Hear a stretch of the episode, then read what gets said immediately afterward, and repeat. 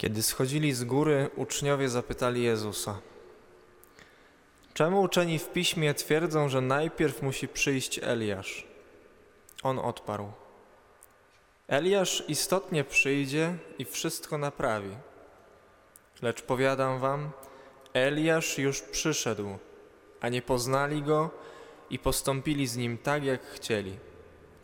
Tak i syn człowieczy ma od nich cierpieć. Wtedy uczniowie zrozumieli, że mówił im o Janie Chrzcicielu. Oto słowo Pańskie.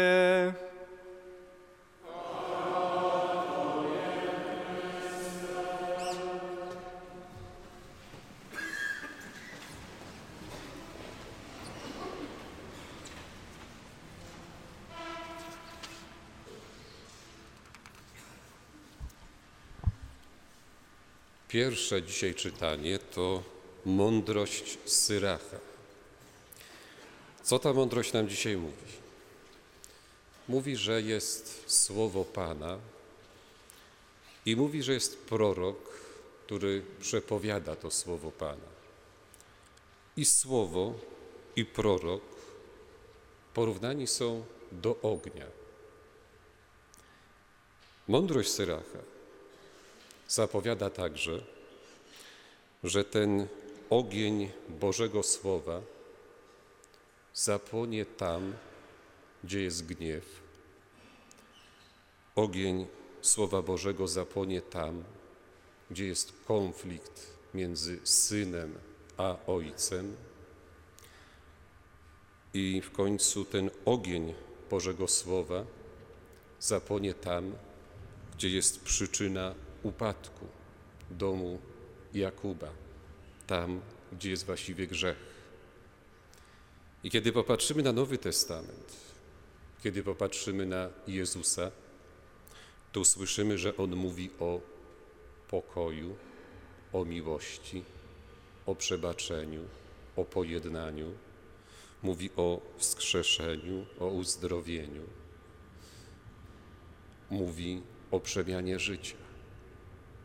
I kiedy czytamy dzisiaj to słowo w czasie tego adwentu, to warto sobie uświadomić, że Jezus właśnie w tym czasie adwentu przychodzi do każdego z nas. A przychodzi po to, aby z naszych serc, z naszych wspólnot usunąć przede wszystkim gniew, rozpalić w nas miłość, uzdolnić nasze serce do miłości do dobrych czynów.